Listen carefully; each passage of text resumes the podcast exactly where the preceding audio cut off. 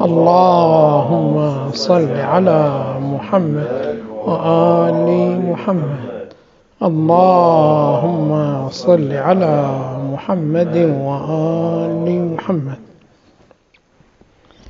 يقول الإمام سلام الله عليه فهبني يا إلهي صبرت على عذابك فكيف أصبر على فراقك؟ وهبني صبرت على حر نارك فكيف أصبر عن النظر إلى كرامتك؟ من الأمور التي قل ما يلتفت إليها الإنسان أن اللذائذ هي مرتبة واحدة اللذائذ على مراتب ثلاث. وقد يأتي الإنسان ويعيش في الدنيا ما شاء الله ويخرج وهو لم يذق من هذه اللذائذ إلا المرتبة الدانية جدا جدا. ويغفل عن أن هناك نحو من اللذائذ أخرى. هي إذا قسناها إلى اللذائذ المادية التي مبذولة للجميع أساسا ما تكون هذه اللذة المادية ومهما عظمت تحت تلك اللذائذ ما تكون شنو ماذا؟ لذة. اللذة يقولون عندنا على ثلاثة أنحاء. هنا تشوفون الإمام سلام الله عليه يقول هبني يا إلهي صبرت على عذابك فكيف أصبر على فراقك؟ وهبني صبرت على حر نارك فكيف أصبر عن النظر؟ إلى كرامتك. إذا في هناك شيء يعبر عنه بالكرامة. هاي جدا شنو هذا الإنسان ما يستطيع أن يصبر عنها. يمكن أن يصبر على شنو هذا على النار. ولكن ما يصبر عن أن يحرم شنو هذا من كرامة الله سبحانه وتعالى. شوفوا اللذائذ إحنا عندنا لذائذ على ثلاثة أنحاء. اللذة المعروفة بيناتنا وهي التي نباشرها ونتعامل معها هي اللذائذ الحسية. يعني هذه اللذة التي أنت تنالها بواسطة حاسة من الحواس. فمثلا تذوق الحلاوة تلتذ بها. هذه لذة يسمونها حسية مرتبطة باللسان والذوق.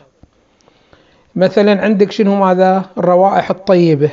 هذه أيضا شنو ماذا؟ لذائذ حسية تدركها بحاسة الشم. عندك الأصوات الجميلة تلتذ عندما تسمعها.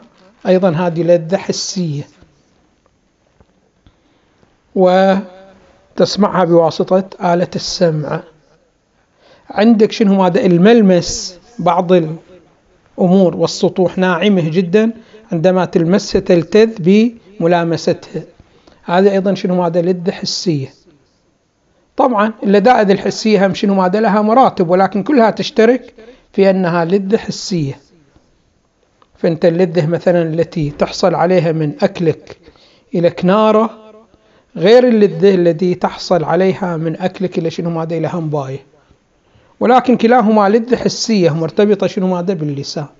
مع أنه تفاوت موجود ولكن كلها لذائذ شنو ماذا؟ حسية. يقولون هذه اللذة الحسية هي أقل وأضعف لذة يمكن أن يلتذ بها الإنسان. فالإنسان بعض الناس تشوف يدخل الدنيا ويخرج من الدنيا ما عنده إلا شنو؟ هذا إلا اللذائذ الحسية فقط يشتغل بها. يعني بالمرتبة الضعيفة جدا جدا.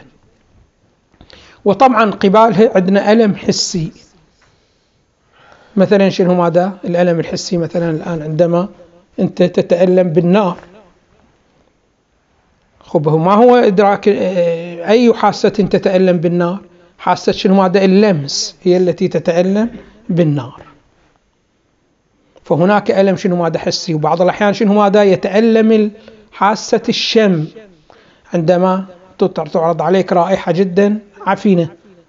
وإلى آخره يتأذى ويتألم شنو هذا الأنف. وأخرى يتألم شنو هذا البصر. لو عرض عليه منظر جدا بعيد عن الجمال وبالغ في القباحة يتأذى شنو ماذا؟ البصر. وقد يتأذى شنو ماذا؟ حاسة اللمس. فإذا هناك ألم حسي وهناك لذة حسية. وطبعا الألم واللذة حقيقتهم مرتبطين بالإدراك.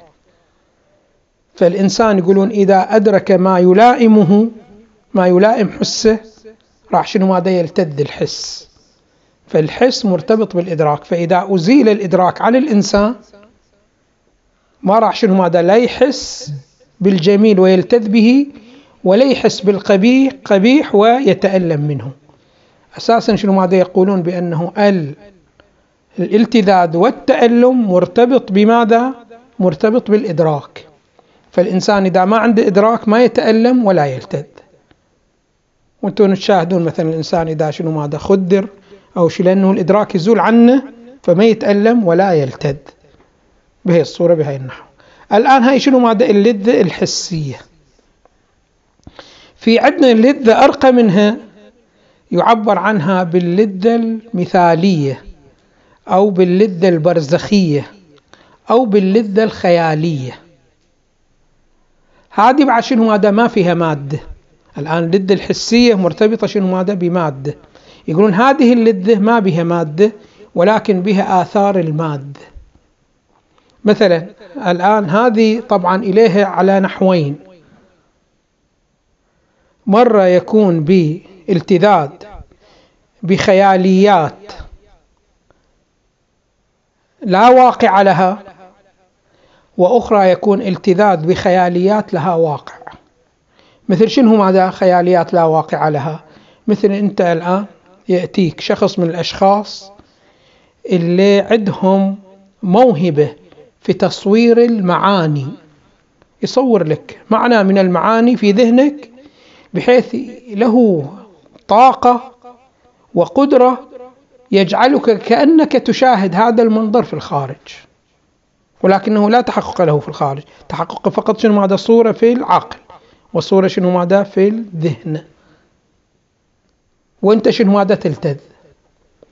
وشخص آخر يجي لك يصور لك صورة قبيحة جدا جدا بحيث أنت شنو ماذا؟ تتخيلها تتألم مع أنه لا واقع لها فقط شنو ماذا؟ بالخيال. هذا أيضا شنو ماذا؟ يلتذ به الإنسان. واضح لأنه نقول صورة يقولون فيها آثار المادة. يعني مقادير المادة آثار المادة موجودة شنو مادة فيها. ولكن ليست لها مادة خارجية وإنما تتصورها أنت. هذه يقولون شنو مادة؟ أيضا شنو مادة لدة؟ هاي لدة خيالية غير واقعية. وعندنا لدة خيالية واقعية. وهي أنه هذه الصورة مو فقط صورة وإنما لها شنو ماذا واقع في الخارج. يقولون دائما هذه اللذة التي تحصل من هكذا شيء تفوق اللذة المستفادة من الأمور المادية بآلاف المرات. بحيث الإنسان يقولون لو التذ لذة خيالية واقعية بعد شنو ماذا؟ أيامه لو رجع إلى الدنيا أيامه جدا شنو ماذا؟ قليلة. حزنا على فراق تلك اللذة. وأساسا يزهد في كل هذه اللذائذ الحسية. بهذا النحو وبهذه الصورة. هذه اللذة يعبر عنها شنو ماذا؟ باللذة الخيالية سواء كانت خيالية واقعية أو خيالية وهمية. طبعا إحنا الآن إذا ترقينا جدا جدا في اللذائذ الحسية يمكن أن نصل إلى اللذة الخيالية الوهمية. أما اللذة الخيالية الحقيقية فقلما من يحصل له هكذا التذاذ يمكن البعض يحصل له شنو؟ ماذا في الرؤيا وفي المنام. أما في الواقع الخارجي ما يحصل لأنه يحتاج إلى رياضات ما شاء الله روحية حتى يحصل له ارتقاء. في العوالم شنو ماذا الروحية وهو في عالم اليقظة. يعني القدر المتيقن الذي شاهد هكذا أشياء هو فقط النبي صلى الله عليه وآله في المعراج. فإنه بالمعراج ارتقى شنو ماذا بروحه فعاش مع برزخيات والتذ بها وتألم منها. فلذلك نقرأ في سورة الأسراء. سبحان الذي أسرى بعبده ليلا. لماذا جاءت شنو ماذا بعبده؟ ما قال شنو ماذا سبحان الذي أسرى بالنبي؟ وما قال سبحان الذي أسرى بالرسول؟ وما قال سبحان الذي أسرى بمحمد بن عبد الله صلى الله عليه وآله؟ وإنما قال سبحان الذي أسرى بعبده.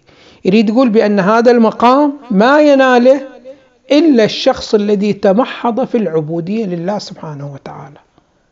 وإلا غير شنو ماذا ما ينال هذه المرتبة. هذه شنو ماذا بالنسبة إلى اللذة الخيالية بقسميها. اللذة الوهمية الخيالية الوهمية واللذة الخيالية الحقيقية. ثم فوق هذه اللذة لذة شنو ماذا يعبر عنها؟ باللذة العقلية. اللذة العقلية أيضا شنو ماذا؟ هي الالتذاذ وإدراك روح الشيء مجرد عن شنو ماذا؟ عن قالبه. فشوف أنت الآن مثلا أنت في الجانب الحسي تنال شنو ماذا؟ اللذة مثلا لو الذائقة. التذت بشيء. تلتذ مثلا شنو ماذا بالسكر. السكر شنو ماذا قالب معين. حلاوة شنو ماذا معينة. في المرتبة الثالثة اللذة العقلية لا. تلتذ مو بالسكر بالحلاوة المستندة إلى السكر وإنما شنو ماذا مطلق الحلاوة غير المقيدة بالسكر. وهذه طبعا اللذة بعد تكون لذة جدا جدا شديدة. فتلاحظون شنو ماذا النبي صلى الله عليه وآله؟ إذا أذن بلال أو إذا بلال لم يؤذن بعد ماذا يخاطب بلال ويقول له؟ أرحنا يا بلال. النبي صلى الله عليه وآله يقولون طبعه طبع مو مادي. أن نعيش شنو ماذا في الحياة المادية؟ لا. ولا طبعه طبع شنو ماذا خيال واقعي. أن نعيش في الخيال الواقعي لا. وإنما طبعه طبعه ملكوتي. يعني شنو ماذا؟ يعيش في المرتبة العالية جدا في الوجود وهي المرتبة العقلية. فلذائذه كلها لذائذ شنو ماذا؟ عقلية. فإذا جيء به إلى عالم المادة يتعب جدا. ولكن هو لازم يأتي إلى عالم المادة باعتبار وظيفته موجودة في عالم المادة. فهذه الخلسات التي تعرض له أثناء الصلاة تأخذ هذه الخلسات وين إلى عالم الملكوت فيرتاح. فيقول شنو ماذا أرحنا؟ يا بلال. إيه النبي صلى الله عليه وآله طبعا هكذا إذا ما في واحد ينزله بالقسر إلى عالم المادة ما ينزل يرجع إلى شنو؟ مادة الملكوت. وإذا تلاحظون النبي صلى الله عليه وآله لماذا تزوج تسع نساء؟ هذه حتى يتمكن من أداء وظيفته في الأرض. فهذه كلها شنو ماذا حبال تربط شنو ماذا بالأرض. هو كان شنو ماذا مع عائشة يقول إذا رأيتيني ساكت فكلميني. لماذا يقول كلميني؟ حتى شنو ماذا تنزله من عالم الملكوت إلى عالم الملك عالم المادة ليمارس شنو ماذا وظيفته. إذا هناك عندنا شنو ماذا اللذائذ؟ بتبع العوالم حيث أن العوالم ثلاثة عوالم عالم مادة وعالم خيال أو مثال ثم عالم عقل الالتذاذات أيضا تكون على هذا النحو. فهنا لاحظوا أمير المؤمنين سلام الله عليه يقول هبني صبرت على عذابك. هذا العذاب مرتبط شنو؟ ماذا بالألم الحسي. نار وعذاب وإلى آخره. فكيف أصبر على فراقك؟ يعني معناه أنه الألم الحسي أشد من ألم الفراق. لو ألم الفراق أشد من ألم الحس؟ ألم الفراق هو شنو؟ ماذا؟ أشد من ألم الحس. واضح شلون؟ فيقول له اني اذا أفارقك أتألم جدا كثير. فكيف أصبر على هذا الأمر؟ وهبني صبرت على حر نارك أيضا ألم حسي؟ فكيف أصبر عن النظر إلى كرامتك؟ كرامتك هي عبارة عن شنو؟ ماذا عن الصفات المختصة بالله سبحانه وتعالى والكمال اللائق بالله سبحانه وتعالى. يقول لي شنو؟ ماذا ما يمكن أن أكون بهذا النحو وبهذه الصورة. ما أقدر أصبر على هذه المسائل. مسألة حرق النار يعني شنو هذا الألم الحسي يمكن أن نتحمله الألم الخيالي هم شنو هذا يمكن أن نتحمله ولكن الألم العقلي كيف أتحمله؟ فإنه الفرق بين الألم العقلي والألم الحسي ما شاء الله. وهكذا فرق بين الألم الحس الخيالي والألم العقلي أيضا شنو ما دام ما شاء الله. فالإمام سلام الله عليه يبين شنو ماذا؟ هكذا مطالب من هكذا أمور. ثم يقول فبعزتك يا سيدي ومولاي. أقسم صادقا لئن تركتني ناطقا لأضجن إليك بين أهلها ضجيج الآملين. شنو يريد يقول الإمام سلام الله عليه في هذه العبارة؟ يريد يبين بأنه الإنسان من الأمور التي الله سبحانه وتعالى فطره عليها هو حب الكمال. فلذلك ما عندنا وظيفة شرعية تدعوك إلى كره الكمال. وإنما بعض الأحيان الإنسان قد يقصد شيء يظن بأنه كمال الشرع يبين له بأنه هذا الشيء ليس بكمال. ولكن دائما شوفوا الإنسان ما يتجه إلى شيء من الأشياء إلا بما هو كمال له. فكل إنسان الآن إذا تشوف الآن لماذا كل إنسان شوف مع أنه المذاهب التي يذهب إليها الإنسان مختلفة. فواحد مثلا يذهب إلى شنو ماذا؟ إلى المذهب الرأسمالي.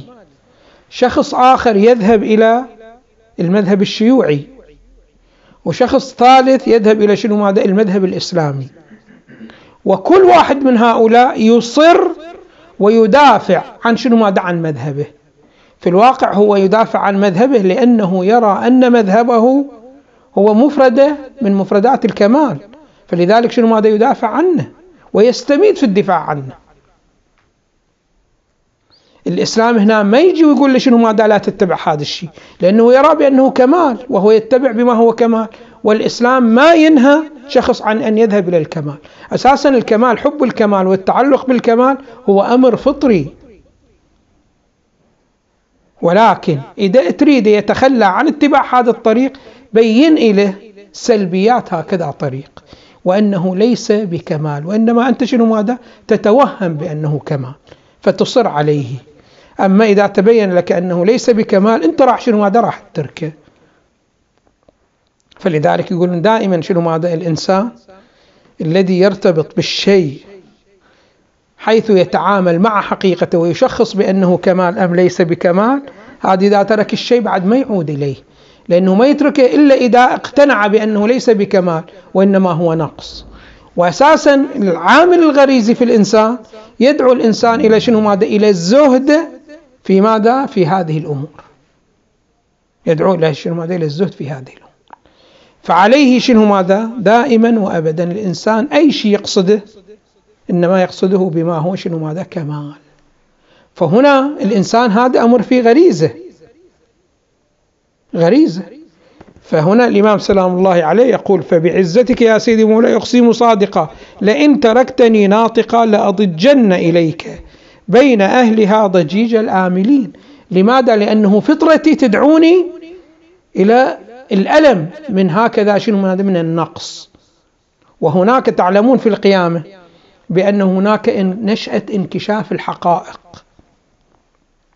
يعني شنو نشأة انكشاف الحقائق؟ هنا شنو ماذا في الدنيا؟ يمكن بعض الأشياء تظهر لك على غير حقيقتها فتنغش أنت بها. أما هناك لا. باعتبار هنا الدنيا نشأة غير النشأة الأخروية. نشأة الدنيا نشأة امتحان قاعة امتحان كبيرة. أما النشأة الأخروية هي نشأة ظهور الحقائق.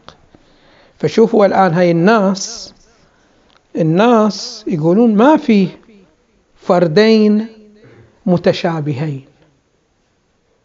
وإنما كل فرد هو يختلف عن الفرد الآخر بون شاسع جدا جدا.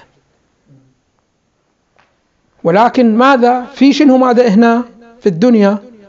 لحكمة الله سبحانه وتعالى جعلنا شنو ماذا؟ متشابهين من حيث الخارج حتى نستطيع أن نعيش مع بعضنا البعض. أما لو الله سبحانه وتعالى كشف باطنك وخلاه هو الظاهر والظاهر خلاه باطن احتمال قوي أنه لا أعيش وياك وأنت ما تعيش وياي. أنت تفر مني وأنا شنو ما أفر منك؟ أنت شوفوا الآن. الآن لو فرضنا عندك حيوان شنو ماذا؟ مفترس.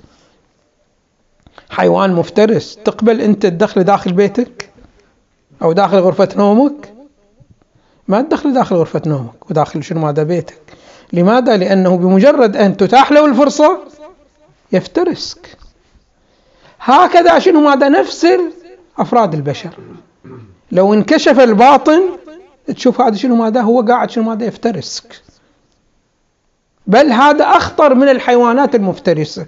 لماذا؟ لأنه الإنسان يستطيع أن يتدبر أمره ويدبر لك كيف يفترسك. أما شنو ماذا الحيوان؟ له.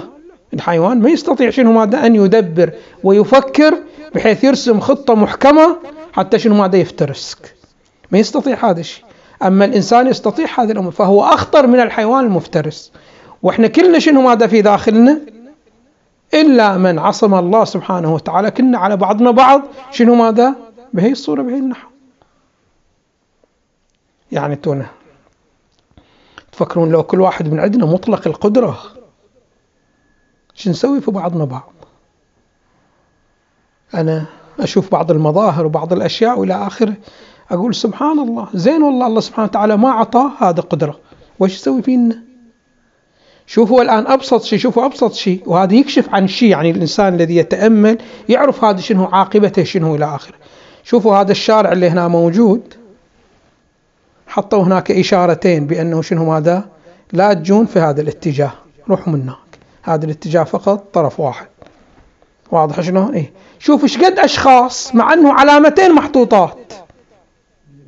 ها؟ يشوف سيارات ثلاث أربع سيارات جاية ويجي هو.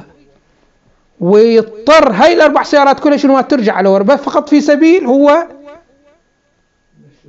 وهذا ما يعطله هو منك لأنه هذا شنو ماذا يرى في نفسه بأنه أنا أعيش على الكرة الأرضية وحدي. ما وياي أحد أنا ما أزاحم أحد.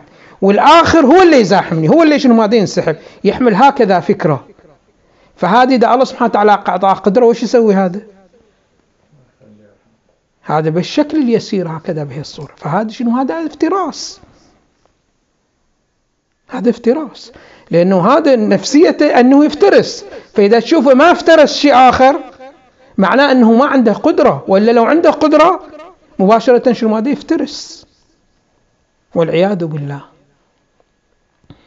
فجدا شنو هذا؟ تشوفون أمير المؤمنين سلام الله عليه كان شنو هذا؟ يتألم جدا جدا من الحياة مع هكذا أشخاص. يعني مع أنه أمير المؤمنين هكذا مرتبط مع الله سبحانه وتعالى ارتباط وثيق. ولكن تجي وتقول له تشوفه قاعد هذا متى ينبعث أشقاها؟ فيخضب هذه من هذا اللي ما كلش كان شنو هذا متأذي خصوصا بعد وفاة رسول الله. وكان هو يعني اللي يربطه ويقربه من الملكوت هو شنو هذا النبي صلى الله عليه وآله. فعندما توفي النبي عاش مصيبة جدا كبرى. ولذلك هو دائما يقول بأنه إذا أصابتني مصيبة أتذكر مصيبتي بفقدان النبي صلى الله عليه وآله. لأنه علي بن أبي طالب كما هو النبي كما أن ذاك مرتبط. وعنصر ملكوتي كذلك أمير المؤمنين سلام الله عليه. عنصر شنو؟ هذا ملكوتي بهي الصورة. فالحياة مع هؤلاء واقعا جدا شنو هذا؟ جدا متعبة. وما شاء الله كثير شنو هذا؟ من الأشخاص. فإذا الإنسان بطبيعته باعتبار أنه مفطور الله سبحانه وتعالى فطره على حب الكمال.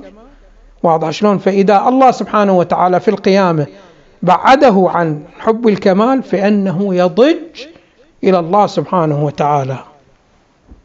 فكيف يبقى فكيف يبقى في العذاب وهو يرجو ما سلف من حلمك؟ هنا أيضا يشير إلى شنو؟ هذا إلى مطلب جدا مهم. وهو أنه شنو هذا الله سبحانه وتعالى. يحب الإنسان حب جدا عجيب. لماذا يحب الإنسان؟ باعتبار أنه هو خلق الإنسان. وخلق الإنسان كما يريد هو الله سبحانه وتعالى. يعني ما في قوة أجبرت الله سبحانه وتعالى على أصل الخلق كما أنه ليس هناك قوة أجبرت الله سبحانه وتعالى على أن يخلق الإنسان بهذا النحو من هذه الأنحاء فالله سبحانه وتعالى كان مطلق الخيار ومطلق القدرة ومطلق الإرادة في خلقه للإنسان. فلذلك هو يحب شنو ماذا يحب الإنسان؟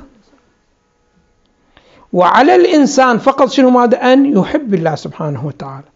المصيبة هنا صايرة شنو؟ ماذا حب من طرف واحد فقط. فهؤلاء اللي يقولون شنو؟ ماذا حب من طرف واحد يصير بين المحبين في عالم الدنيا قد يكون.